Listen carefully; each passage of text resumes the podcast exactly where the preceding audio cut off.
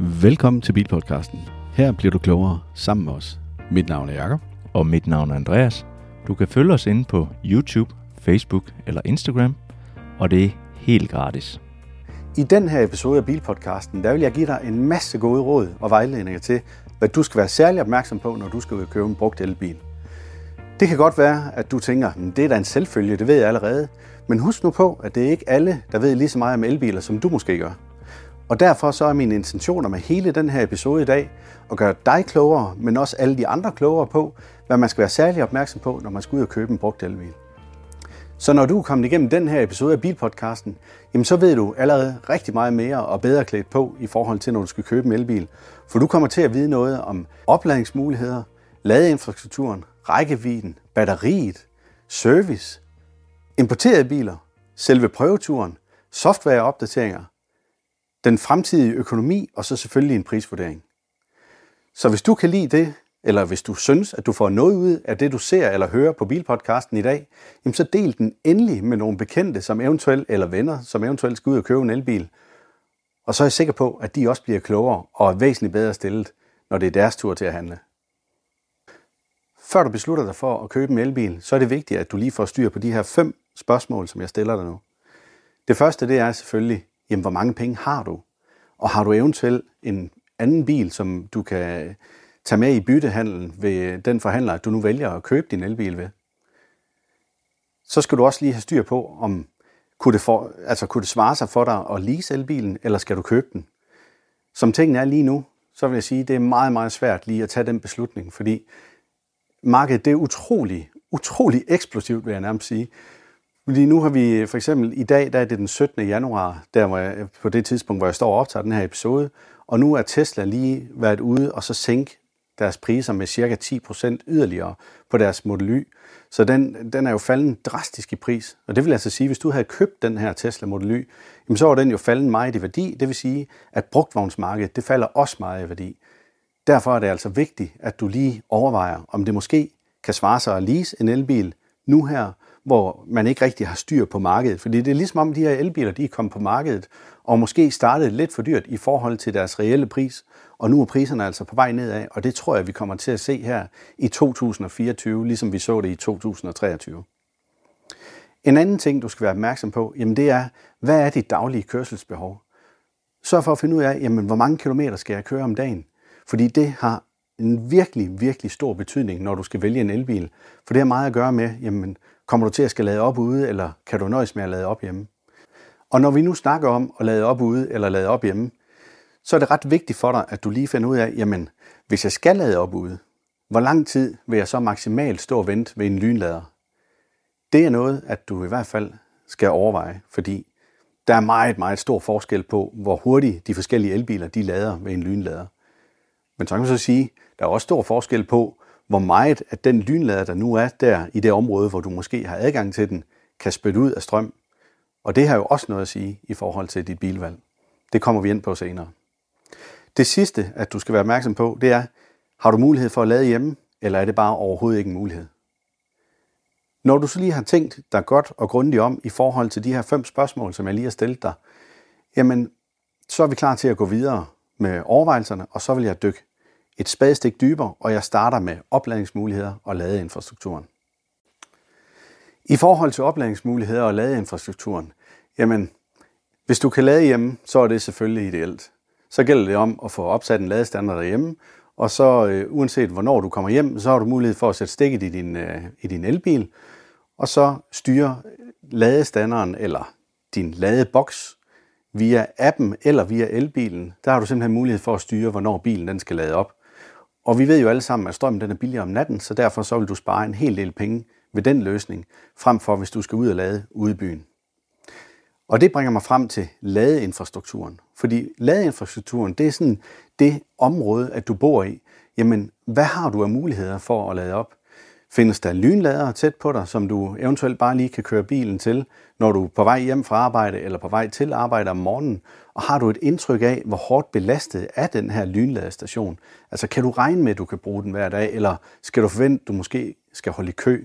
Prøv lige at holde lidt øje med den, hvis det er den ting, eller hvis det, hvis det er det, du er afhængig af i forbindelse med dit køb af elbil, fordi du ikke kan lade derhjemme.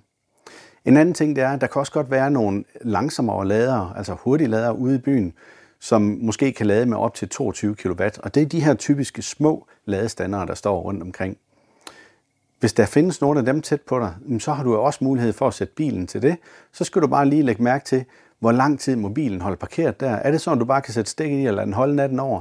Det kan man de færreste steder efterhånden, fordi at der er jo behov for, at andre også har mulighed for at komme til at lade op. Og derfor så vil man ikke risikere, at folk de kommer hjem fra arbejde, sætter stikket i elbilen, og så tager de ellers bare hjem og sover til dagen efter, og så kommer de og henter deres elbil. Det kommer til at give alt for meget kaos, hvis det er den løsning, at du er ude i.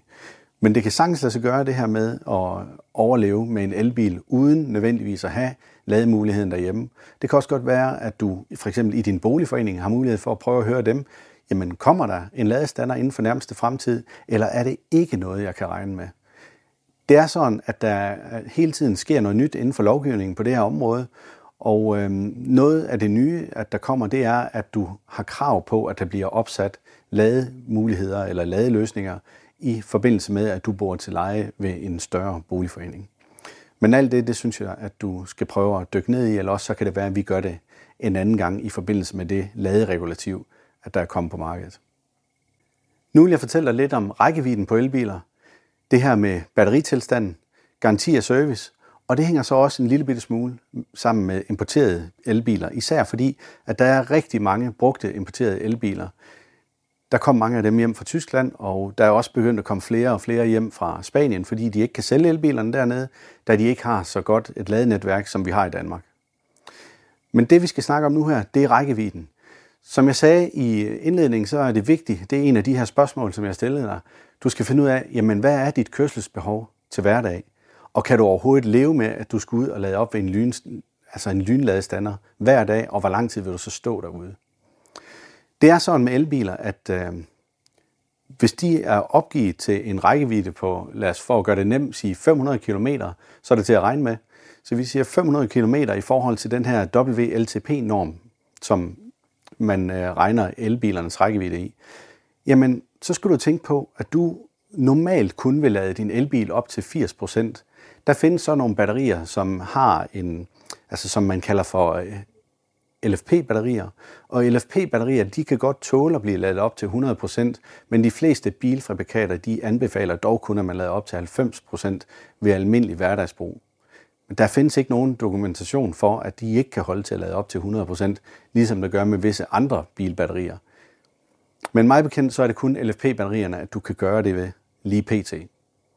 Men lad os så sige, at du har mulighed for at køre de her cirka 80% af rækkevidden, jamen så har du allerede skåret 100 km af rækkevidden. Det vil sige, at du er nede på 400 km i forhold til den rækkevidde, at der er på den elbil, du kigger på. Er det nok til din daglige øh, hverdag, jamen så er det jo fint, men så skal du så dog være klar over, at om vinteren, jamen så falder rækkevidden yderligere. Fordi det er sådan i en elbil, at der siger man typisk, at for hver grad, at temperaturen den falder eller stiger i forhold til 20,5 grad, jamen der falder din rækkevidde yderligere cirka 1-1,2 procent.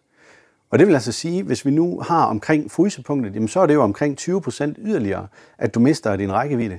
Det er så lige 100 km mere, så har du 300 km tilbage af den rækkevidde, som din elbil ellers er oplyst til ifølge WLTP-normen, når den er på 500 km. Det skal du også have med i mente. Det er i hvert fald utrolig vigtigt for dig, fordi det er jo voldsomt irriterende, hvis det er sådan, at du skal ind og lade hver evig eneste dag, at, øh, at du er på vej enten til eller fra arbejde, hvis det ikke er det, du har regnet med, da du købte din elbil, fordi du regnede bare med, at du kunne tage en fyldt elbil om morgenen. Det er noget af det, der er dejligt ved en elbil, det er, at den står altid ladet op om morgenen, fuldstændig tanket og klar til at komme afsted, og du har ovenikøbet mulighed for at bede den om at varme kabinen op, så den ikke er kold. Men øh, lad os nu springe videre til det her med batteriet, fordi hvad er det lige med batterislitagen? Jo, det er sådan, at du har mulighed for, og det vil jeg helt klart anbefale, at tage fat i for eksempel FDM Service Center, for de har sådan en ordning, hvor du kan komme ind og så få testet batteritilstanden. Fordi det er jo sådan, at en elbil, den har det ligesom alle mulige forskellige telefoner.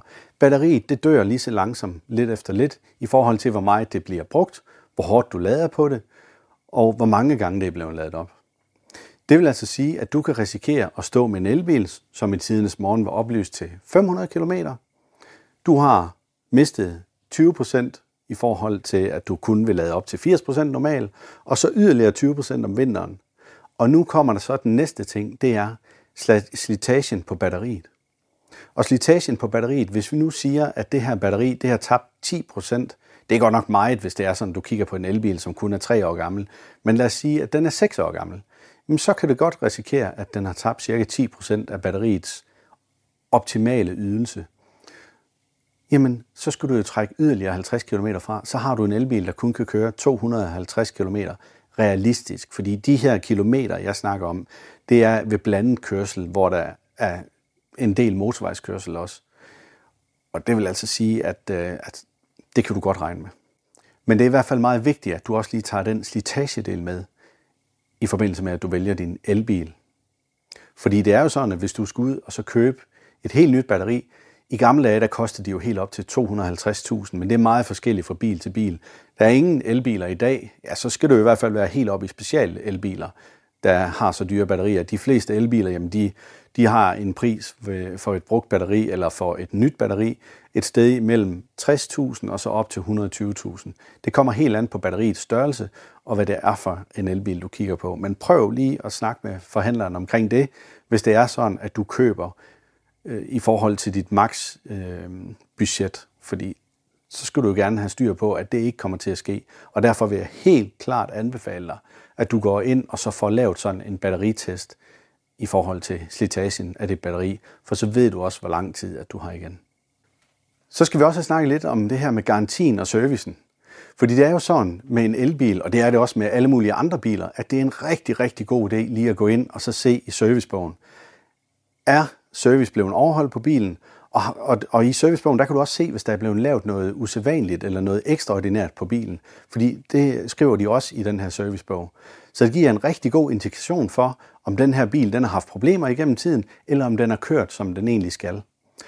Når at du så kigger i den her servicebog, jamen, så skal du også være opmærksom på, jamen, hvis service ikke er overholdt, jamen, så kan det godt være, at selvom bilen den måske er solgt, hvis det nu er en Hyundai eller en Kia, med syv års garanti, jamen så kan det godt være, at garantien den ikke dækker længere, fordi service ikke er blevet overholdt. Så det er altså vigtigt, at du lige får undersøgt det også. Fordi det har jo noget at gøre med garantien på både din drivlinje, men også på batteriet.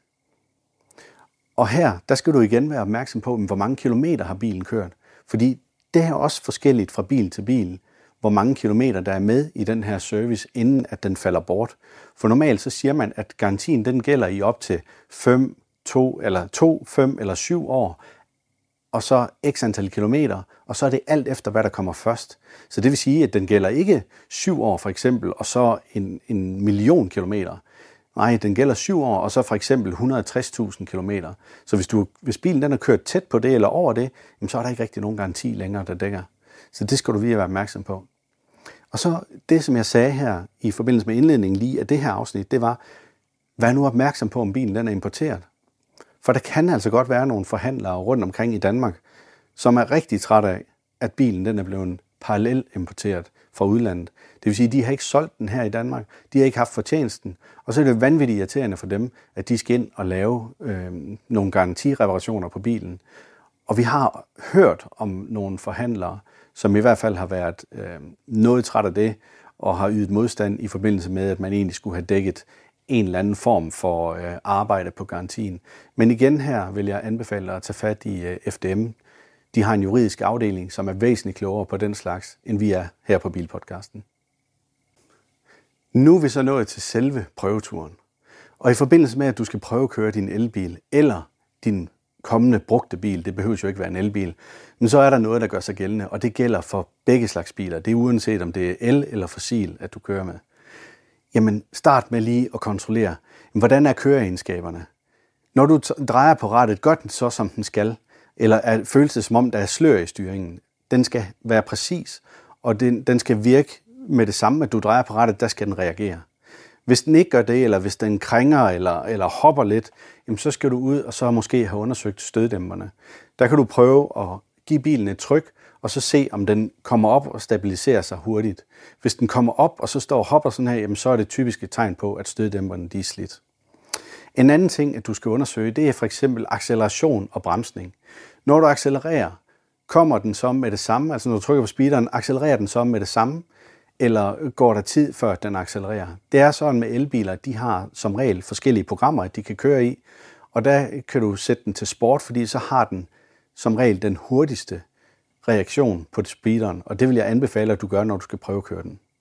Så har du også mulighed for at tilvælge regenerativ bremsning, og det vil altså sige, at bilen den automatisk går ind og bremser bilen ned.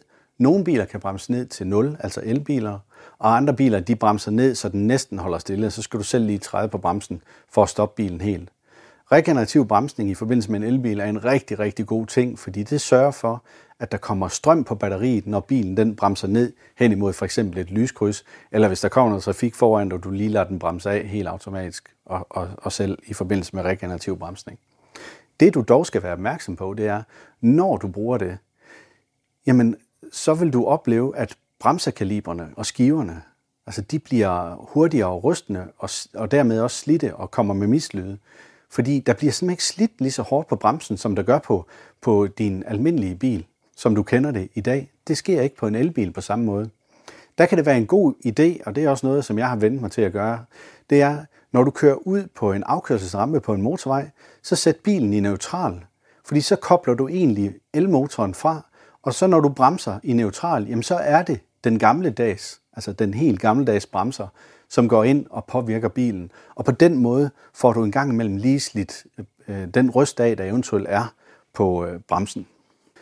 Så skal du selvfølgelig også være opmærksom på, om bilen den har nogle mislyde, eller om den vibrerer. Altså vibrationer, det kan være, det kan være noget så simpelt som, at øh, hjulene de ikke er afbalanceret ordentligt. Men det kan også være alt muligt andet, som slet, slet ikke er rart at, øh, at, at håndtere. Så derfor så øh, en bil med mislyde, det vil jeg nok holde mig fra. Ellers så vil jeg alliere mig med en mekaniker, som kan give et bud på, hvad problemet det er her. For en bil, den kan sagtens være kommet igennem et syn. Det har jeg set flere gange, og så stadigvæk have mislyde. En anden ting, det er, at øh, du kan også kontrollere, om bilen den kører lige ud. Når du slipper rettet, så skulle den gerne holde en lige linje. Og der skal du selvfølgelig sørge for at finde en lige asfaltvej, uden alt for dybe hjulspor. Fordi hvis der er hjulspor i vejen, så, så holder den sig bare nede i de her hjulspor. Når du så har sluppen rettet, og bilen den kører lige ud her, så prøv at trykke på bremsen ganske blidt, og så bremse mere og mere ned, og så se om rettet drejer til den ene eller til den anden side. Hvis det gør det, så er det typisk et tegn på, at bilen den bremser ujævnt. Og du kan også prøve at lave nogle, et hurtigt, altså hvor du trykker lidt hårdt på bremsen, for at se, om den drejer til den ene eller den anden side. Det er i hvert fald en god måde lige at kontrollere det på. En anden ting, det er, at du skal selvfølgelig også lige finde ud af, om du overhovedet kan lide at sidde i bilen. Så komfortniveauet og lydniveauet, støjniveauet i bilen, er det noget for dig, eller kan det måske svare sig at gå op i udstyr ved den her bilpakke, eller øh, skal du kigge dig om efter en helt anden type bil? Og i den forbindelse skal du selvfølgelig også finde ud af, jamen er der plads nok til det, du skal bruge bilen til, både til dine personer i bilen, det vil sige dig, dine medpassagerer, børnene i bag, er de ved at være store, eller bliver de snart store, og så skal der jo stadigvæk gerne være plads til dem om i bag, og kan I have jeres bagage med om i bagagerummet. Der er også noget i forhold til nyttelast og lastevne i en elbil. Det er ikke altid, de kan bære lige så meget, og der er rigtig mange elbiler af de første, der kom på markedet, som enten ikke har mulighed for anhængertræk, eller ikke kan trække ret meget. Vi har set eksempler på elbiler, som kun har mulighed for at sætte 125 kilo på krogen. Og det er altså ikke ret meget, hvis du satser på, at du skal kunne trække en trailer, så kan det ikke lade sig gøre. Så endnu en ting, at du skal være opmærksom på, når du køber elbil. Men alt det, det kan du finde ud af, hvis du går ind og kigger i bilens papirer. Ellers, så vil jeg bare sige, det gælder også om at få afprøvet alt det her elektriske udstyr, der er i bilen. Alle elbiler er udstyret med en eller anden form for klimaanlæg, og der er måske automatisk øh, nedbremsning og adaptiv fartpilot. Du har måske nogle lygter, der blænder automatisk op og ned. Eller hvis du er heldig, matrixbelysning, som selv blænder op ude omkring øh, den forankørende bil, sådan at du kan køre med lang lys på og faktisk lys længere ud, end han egentlig øh, kan med hans bil. Det giver et fantastisk lys, og det kan varmt anbefales. Det er virkelig, virkelig godt at køre med. Men der er jo også alle de her andre små ting, som at rulle vinduerne op og ned og se, om der er en elbagklap, der kører og åbner motorhjelmen ordentligt, eller fronten, øh, hvis der er sådan en ude foran i motorhjelmen. Det er det her bagagerum, der egentlig er ude foran. Det kalder man for et front på en elbil. Men ellers, øh, Så når du har haft den her prøvetur, så, så skulle det gerne være sådan, at bilen den giver dig en, en god mavefornemmelse, og du føler, at det er den rigtige bil for dig, inden at du går videre. For man kan sige meget om en elbil. Hvis du køber den med hjertet, så er jeg ret sikker på, så skal du nok blive glad for den. Køber du den af praktiske årsager, så er det bare ultra, ultra vigtigt, at alle de her ting, jeg har nævnt, at det kan den til UG punkt og prikke, og at den fejler ikke noget. Fordi hvis den fejler noget, og du ikke har købt den med hjertet, men kun af praktiske årsager, jamen så skal der ikke så meget til, før man bliver træt af bilen. En anden ting, som også er utrolig vigtig at være opmærksom på, og jeg ved godt, nu har jeg fortalt rigtig, rigtig meget allerede nu, og du føler dig måske fuldstændig overvældet over al den information, der er i forbindelse med, at du skal ud og købe en elbil. Men jeg prøver bare på at øh, beskytte dig, sådan at der ikke sker nogen fejl, eller du bliver utilfreds med dit køb. Men det, du skal være opmærksom på også, det er softwareopdateringer. Og det kender vi måske ikke så meget fra andre biler. Softwareopdateringer, det er noget, som har utrolig stor effekt på elbiler. Det kan blandt andet have indflydelse på sikkerheden, hvis der er nogle sikkerhedsopdateringer, som gør, at de her assistentfunktioner de kommer til at fungere bedre, end de gjorde, da bilen den kom på markedet. Jeg ved ikke, om du har hørt om det, men, men dengang, at øh, Volkswagen kom på markedet med deres ID3, der var der for eksempel rigtig meget af det her øh, sikkerheds, eller af den her software, som ikke fungerede særlig godt. Og sådan har det været med rigtig mange andre elbiler. Man føler næsten, at det er lidt ligesom, når, når øh, de her spilfirmaer udgiver spil til, til computer og Xbox og Playstation osv., jamen så er det ikke altid, at de lige fungerer helt optimalt. Så kommer der alle de her forskellige patches, og så begynder de at virke bedre og bedre og bedre. Og sådan er det også med en elbil. Så derfor så er det vigtigt, at bilen den er blevet sikkerhedsopdateret. Det kan også have noget at gøre med ydeevnen, og det kan have noget at gøre med, med alle de her forskellige innovative ting. Altså nu for eksempel Tesla, de er ret gode til at komme med nogle sjove opdateringer en gang imellem, hvor bilen den måske kan spille musik og lave et eller andet lysshow. Øhm, det kan man måske ikke bruge til så meget, men der kan også være nogle andre ting, som betyder, at selve software-delen, altså det her brugerinterface, som du styrer bilen med, at det bliver bedre og hurtigere og mere flydende, når du bruger det og betjener det. Så derfor så er det også vigtigt, at den kan blive opdateret. Det du skal være opmærksom på her, det er, du kan godt løbe ind i en bil, som har været ejet af en ejer, som synes, det har været utrolig spændende, og måske selv prøve at rode lidt med selve det her software-system, der er i bilen, og har downloadet en eller anden mod og øh, lægge, lagt den op i øh, bilens software-system, så bilen den kan noget nyt og noget ekstra. Og det er også meget fint, at man gør det, men det betyder så bare, at for den næste køber af den her elbil, det er ikke sikkert, at du har lige så meget styr på det, som han havde. Og så kan du måske ikke få opdateret øh, den her softwareopdatering, som kommer, når du enten kører ned til forhandleren og får ham, øh, altså beder ham om at opdatere den. Det kan være, at han ikke kan det, fordi at der er blevet lavet den her modifikation af softwaren af den tidligere bruger. Men det kan også godt være, at den bil, du køber, den bliver lavet med, med over-the-air opdateringer. Og over-the-air opdateringer, det er også et nyt ord, som er kommet i forbindelse med elbiler. Jamen, det betyder, at bilen den egentlig kan stå hjemme i din carport eller garage, og hvis den har adgang til dit trådløse internet i hjemmet, eller eventuelt har et uh, øh, GSM-kort, altså et modul-netværkskort i bilen, jamen, så er den adgang til internettet, og så når den uh, er sat til strøm der om natten, så står den lige så langsomt og downloader de informationer, den skal, og så opdaterer den hele det her software-system. Og det kan den måske ikke, hvis der er kommet den her uh, ukurante opdatering fra den tidligere bruger. Så pas lige på, det var altså en faldgruppe, der er meget, meget vigtig at komme udenom.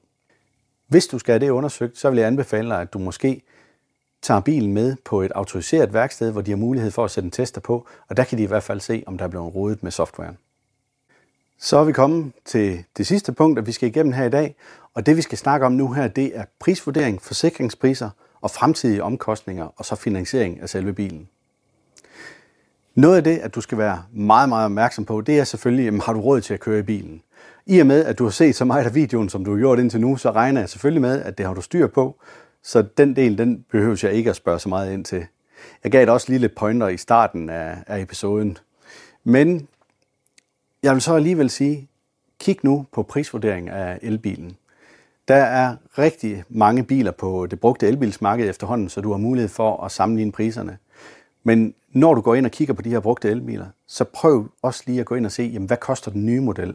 Hvor stor er det prisspænd, der er der? Fordi vi har set det igennem hele 2023, og nu igen her den 17. januar i 2024, at priserne de lige pludselig falder gevaldigt på nogle enkelte bilmodeller. eller man får en kæmpe pakke af ekstra udstyr med, som har en værdi af måske 60.000 kroner. Og så kan det godt være, at det rent faktisk er et dårligt køb, at du er ved at have gang i, i forhold til den bil, du har fundet frem til på nettet. For den har trods alt kørt nogle kilometer, og det er måske ikke sikkert, at den har det nyeste udstyr. Eller er blevet opdateret med den software, som vi lige talte om lige før. En anden ting, at du skal være opmærksom på, det er jo, at du skal jo også lige tage højde for bilens alder, og så det her med batteriets tilstand, når du køber en, en brugt elbil. Men det har vi også været inde på tidligere. Så er der det her med de fremtidige omkostninger.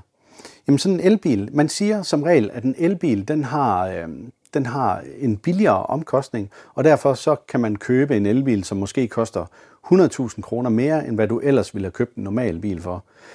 Ja, det er til dels rigtigt. Men der er jo altså også perioder, hvor at vi har set elprisen være helt enormt høj, og i de perioder, der var det altså ikke sådan, at du kunne have en elbil, der kostede 100.000 kroner mere, fordi at det var bare vanvittigt dyrt at køre i elbilen til hverdag.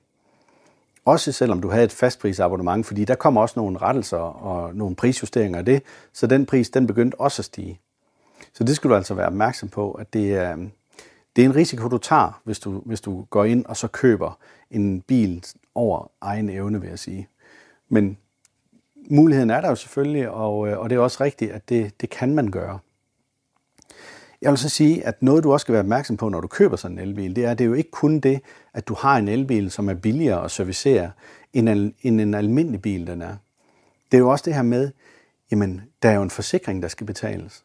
Og den forsikring på mange elbiler, der er den desværre dyrere, end hvis det er en fossil, eller øh, altså hvis det er en fossilbil.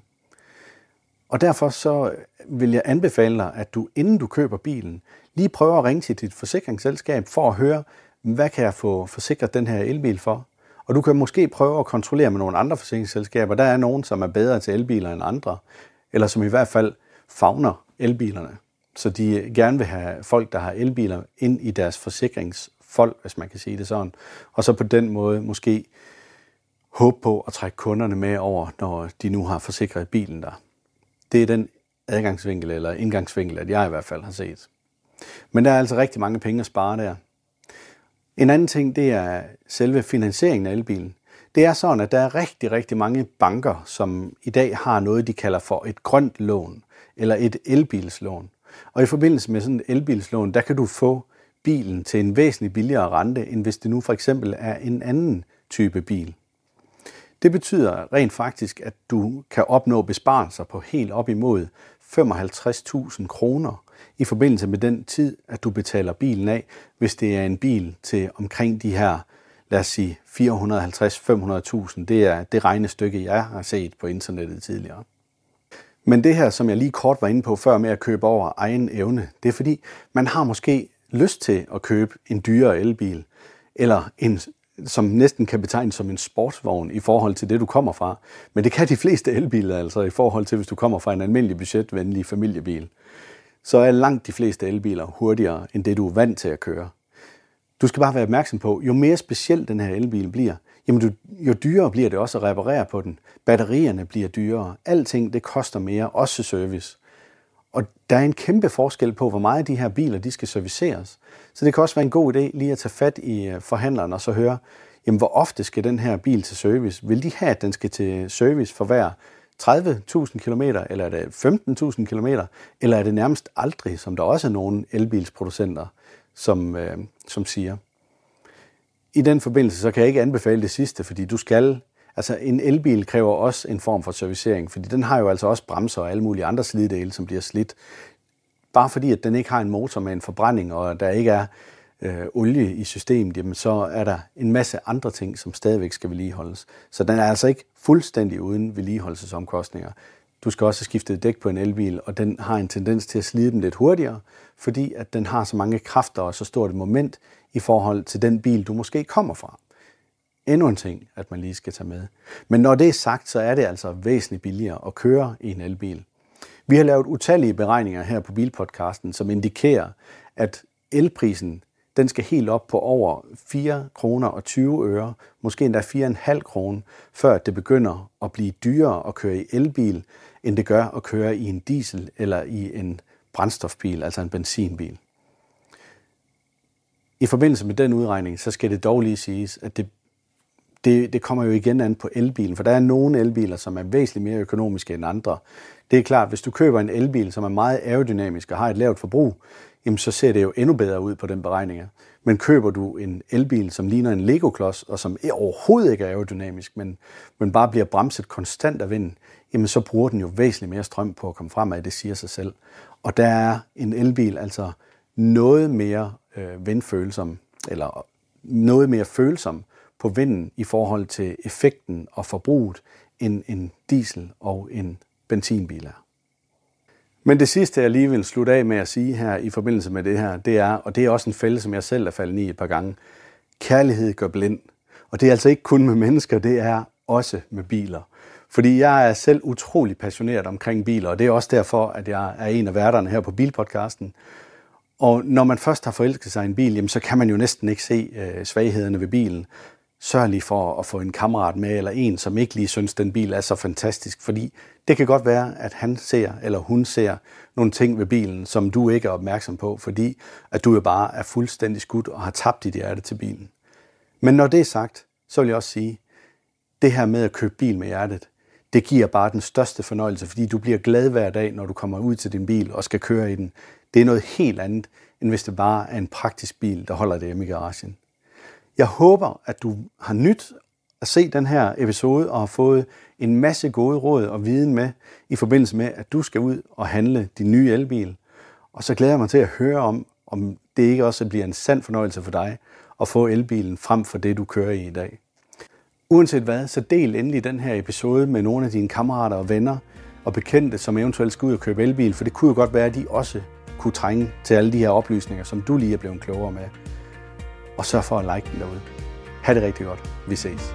Tak fordi du lyttede med. Gå ikke glip af næste episode. Tryk på følg eller abonner. Fortæl dine venner og bekendte om os. Det vil hjælpe os utrolig meget. Og kør forsigtigt derude.